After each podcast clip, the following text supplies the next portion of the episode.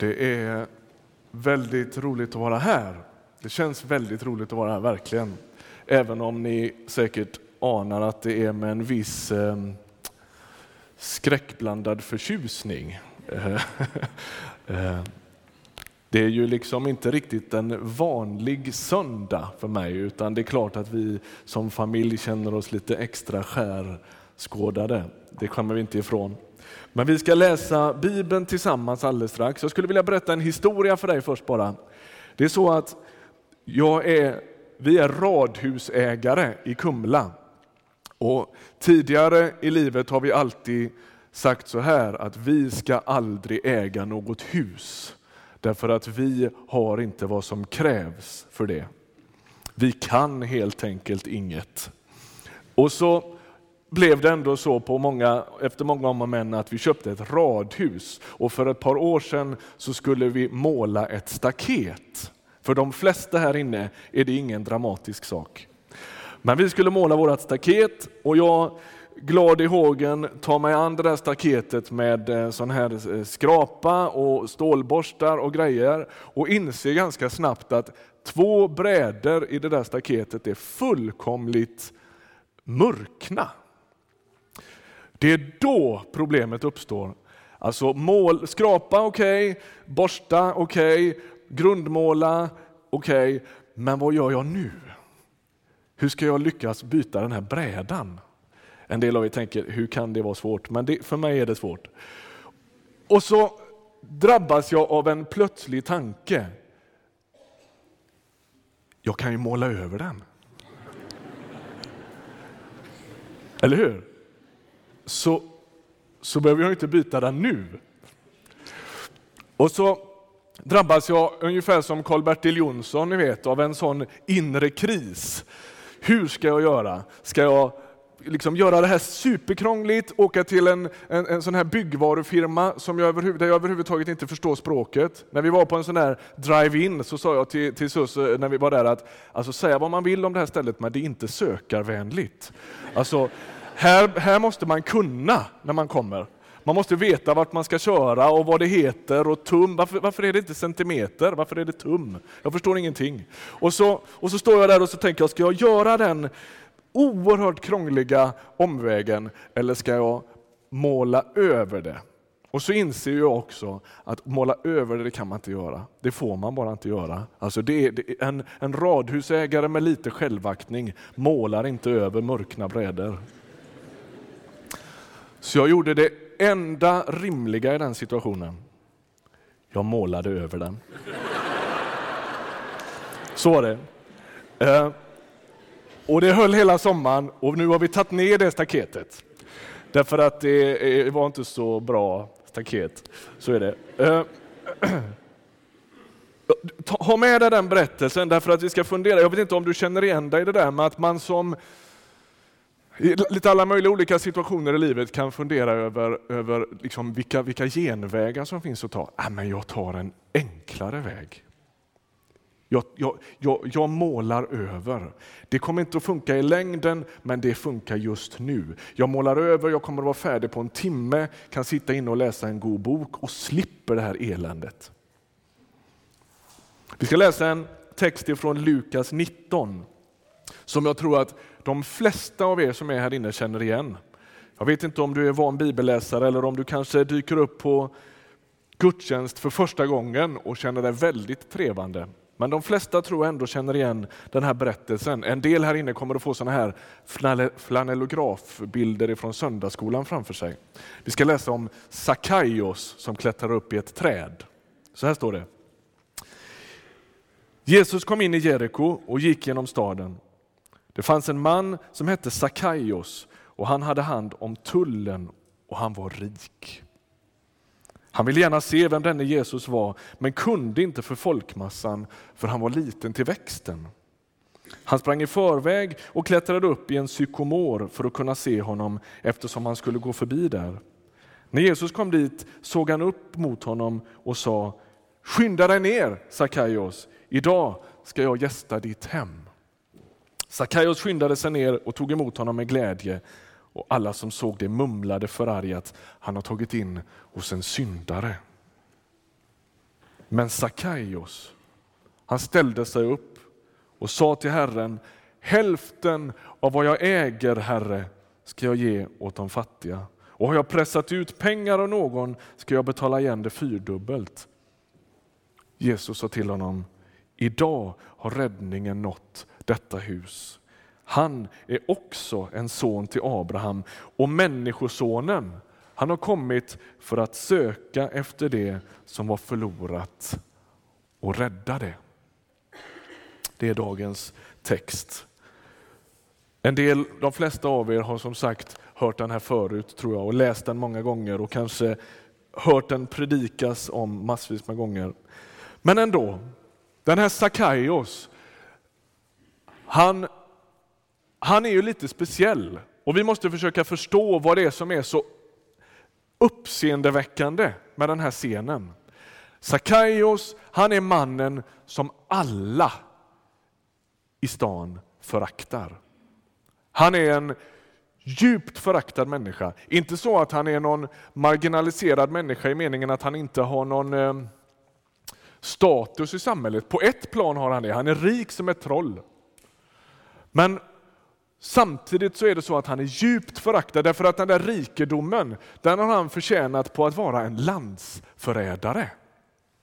Man skulle kunna beskriva Sakaios roll. Han är jude, vi skulle kunna beskriva hans roll som ungefär som en norrman under andra världskriget som sympatiserar och samarbetar med ockupationsmakten. Alltså han ställer sig på fiendens sida, på tyskens sida och förtrycker sina egna landsmän. Och dessutom gör han sig en ganska god hacka på det själv. Det är Sakaios utgångsläge.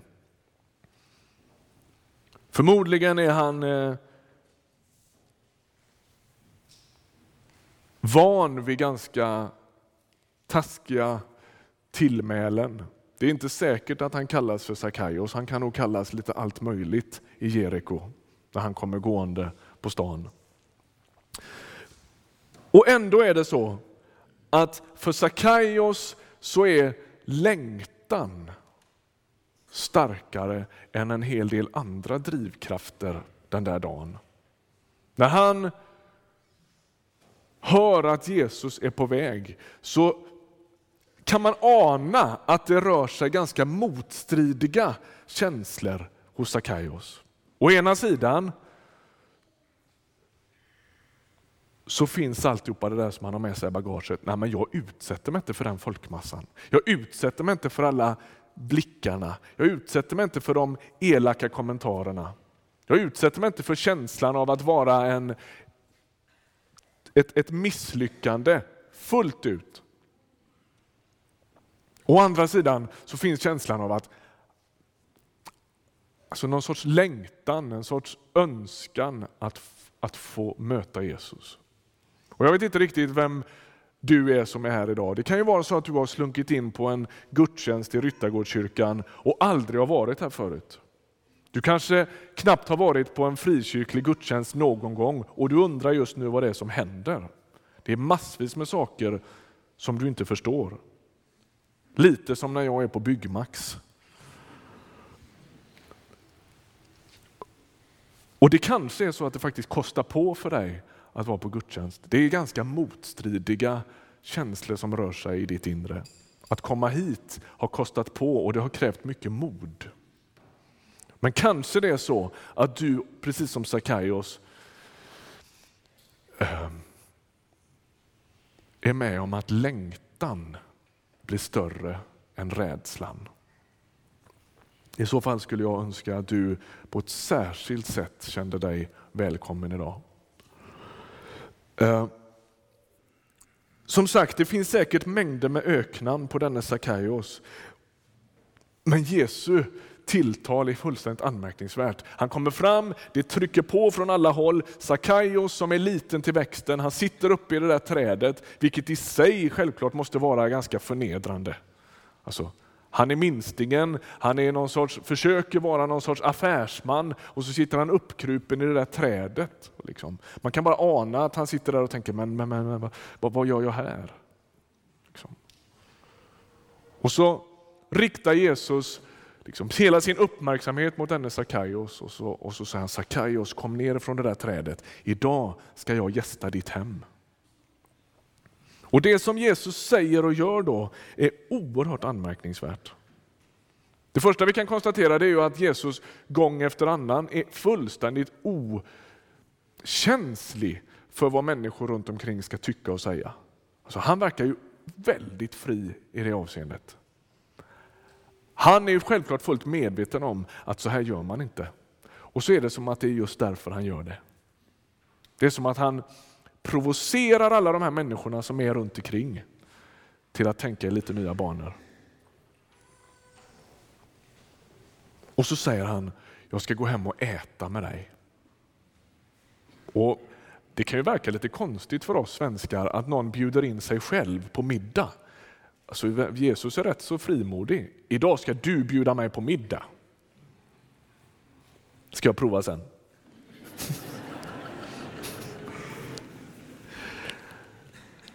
Det behöver inte vara något enkelt. Visst brukar du säga så? uh,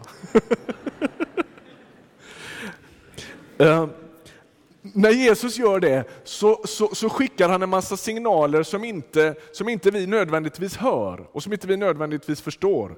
När han säger jag vill äta med dig så handlar det om att i den tid och i den del av världen där detta äger rum, där är måltiden viktig som en sorts tecken på samhörighet. När Jesus gästar Sackeus hus, då säger han inte bara jag är hungrig. Han säger inte bara det vore kul att äta ihop, utan han säger du och jag hör ihop. Jag vill djup, jag vill djupgemenskap med dig. Jag vill dela livet med dig. Jag ser dig, jag respekterar dig, jag bekräftar dig och jag vill ha med dig att göra. Och Det är det som gör att det är så oerhört anmärkningsvärt och så stötande att Jesus går hem och äter med honom. Vi fattar ju inte riktigt den grejen. Vi sitter ju och äter med vem som helst på McDonalds eller på kaféer eller så. Det är inte så noga vem man äter ihop med. Igår var vi och åt lunch på um, köpcentrat i Örebro och, och, det var så trångt så det kom några stycken och sa, får vi sitta vid ert bord? Ja visst, det går väl bra. Och så sitter man liksom och lever lite halvparallella liv där och pratar lite smått med varandra. Men man, liksom, man hör ju inte ihop. När Jesus säger detta så, så är det något annat. Det har med samhörighet att göra, det har med identifikation att göra. Jag identifierar mig med dig, jag vill ha med dig att göra. Och Det är därför som det är så provocerande. Lite tidigare i Lukas evangeliet i kapitel 15 då säger fariseerna den mannen umgås med syndare och äter med dem. Alltså det, så gör man inte. Så gör man inte. Och ändå är det just det Jesus gör. Vi stannar upp en liten kort stund och funderar över vad är det som händer i Sackeus, eller Sackaios liv och i hans inre vid den här måltiden. Vad uppfattar han? Han får besök av Jesus själv och så uppfattar han att det här är en profet eller en gudsman. Det är svårt att veta riktigt hur mycket han förstår av det här. Men han förstår att det här är, det här är någon som har med Gud att göra. Och ändå Hans erfarenhet är att de som har med Gud att göra, de har inte med honom att göra. Och så är det som att allt ställs upp och ner. Den här gudsmannen vet vem han är och ändå möter han honom med någon sorts respekt. Han visar honom nåd, han visar honom kärlek och han visar honom samhörighet. Trots den han är. Och så är det som att i det där mötet, den där måltidsgemenskapen där Jesus och Sackaios äter tillsammans så händer det något med Sackaios. Han blir någonting när han sitter där. Därför att helt plötsligt så ser han på något sätt sitt eget liv i ett nytt ljus. Och så händer det väldigt märkliga saker. Helt plötsligt så reser sig Sackaios från bordet och så begär han liksom ordet. Man kan ana att det har varit Jesus som kanske har talat. Och det står folk, det verkar som att det är ett sånt här hem i Mellanöstern så kommer det och går folk, det är inget konstigt med det. Det finns förmodligen kritiker alldeles in på knuten som liksom tittar och undrar och som rynkar på näsan och undrar vad det är som händer. Äter han med en syndare? Äter han med en landsförrädare? Och så begär Sackeus ordet och så avslöjar han sitt radikala beslut. Vers 8 läste vi. Sackeus ställde sig upp och sa till Herren, hälften av vad jag äger, Herre, ska jag ge åt de fattiga. Och har jag pressat ut pengar av någon, då ska jag betala igen det fyrdubbelt.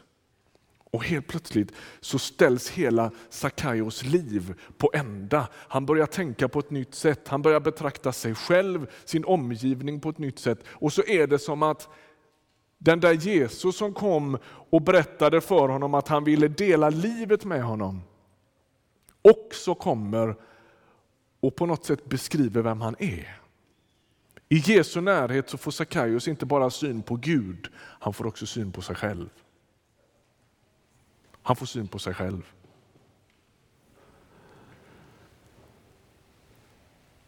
Och då kan man undra, varför händer detta just precis nu? Jo, jag tror att det är så att när Sackaios sitter där tillsammans, eller ligger till bords tillsammans med Jesus, så drabbas han av något. Han drabbas av Guds nåd. Och den där nådeserfarenheten, den går liksom utan på allt annat som han har varit med om.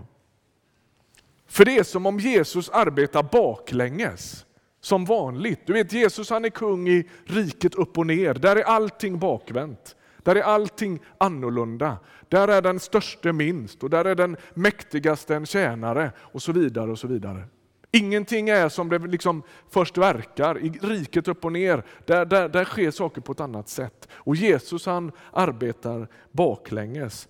Det är som om han först benådar Sakaios och sen kommer förändringen.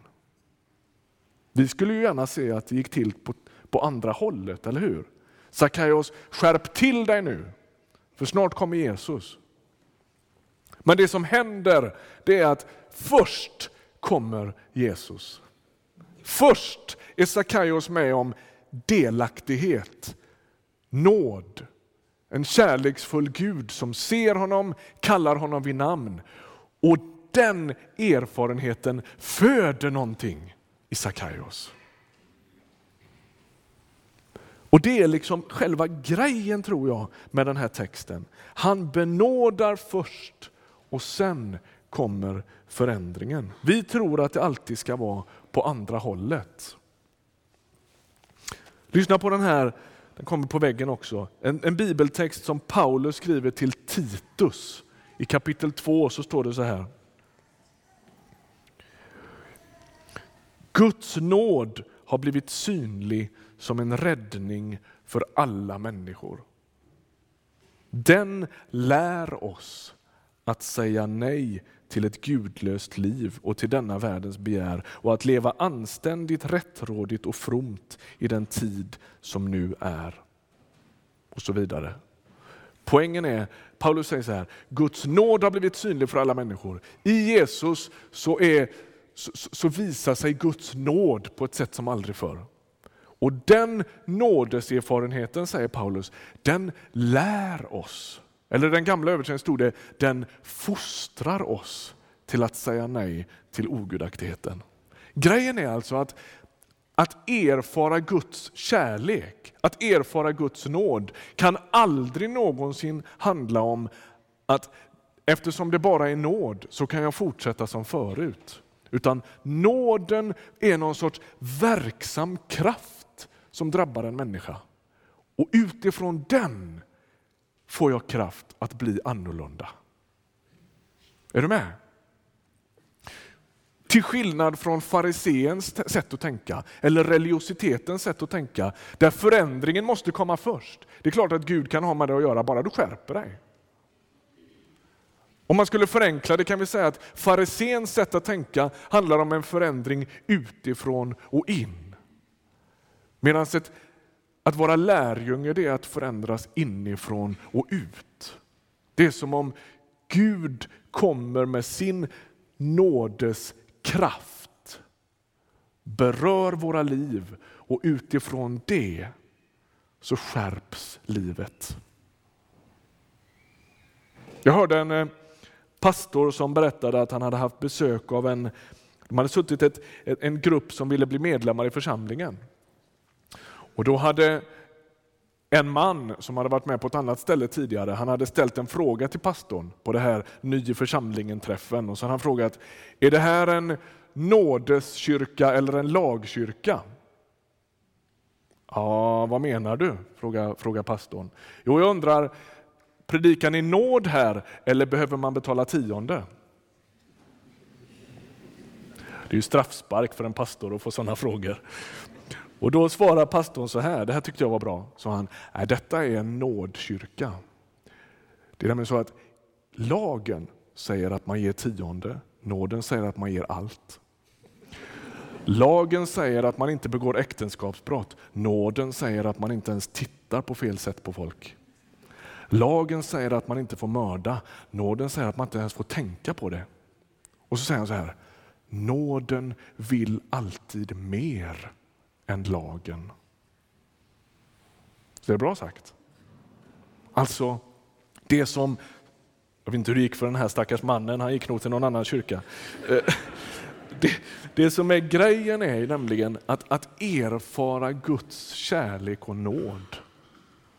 Det är ganska förpliktigande. Det är ganska förpliktigande. Att erfara det det, det, det myndig förklarar mig. Det, gör, det skärper faktiskt mitt liv på ett helt annat sätt än om det bara kom en hälsning från himlen. Skärp dig, ta dig i kragen. Just för att Gud är nådefull blir mitt liv på allvar. Just därför.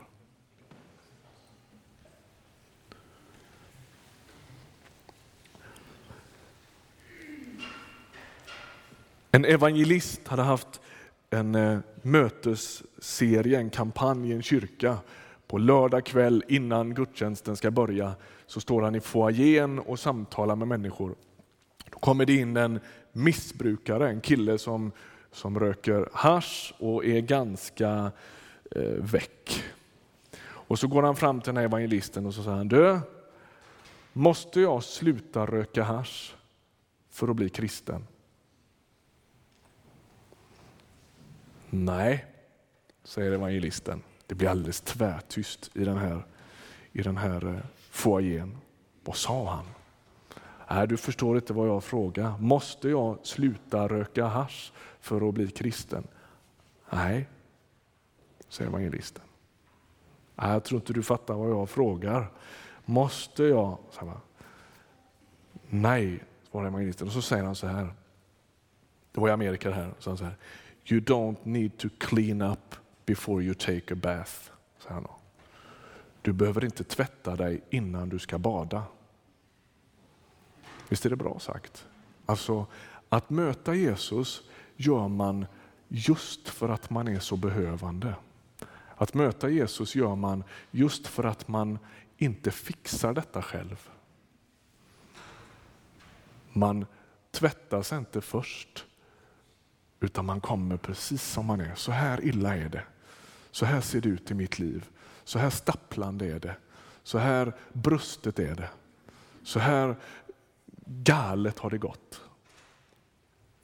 Precis så kommer jag. Och grejen är att då utsätts jag för den enda kraft som på allvar kan göra mig till en ny människa. Nämligen Guds egen nåd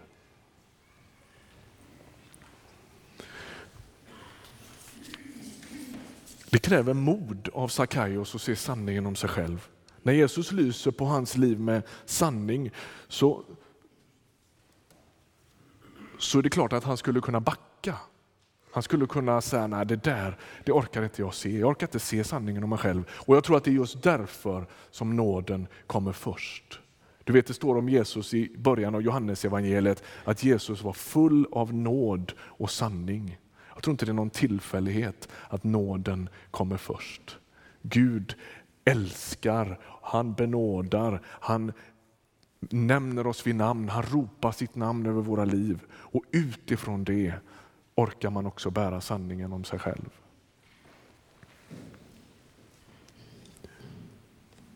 Därför är dagens enda poäng, den är den här. Det är i mötet med Guds nåd som våra liv blir förvandlade. Så enkelt är det. Och så sinnrikt är det.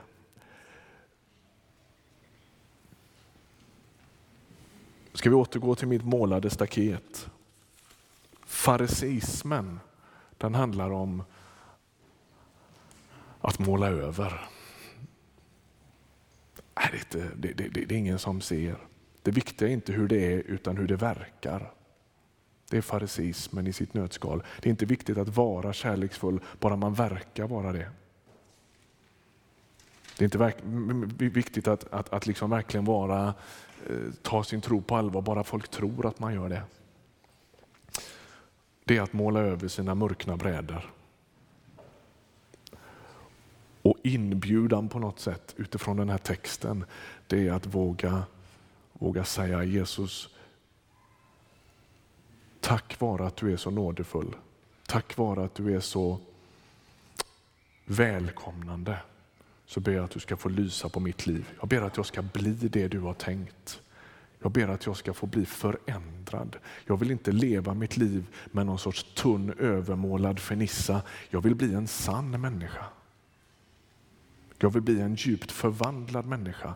Drabba mig med din nåd så att jag blir det du har tänkt. Det är mitt enkla budskap till dig idag. Måla inte över ditt staket.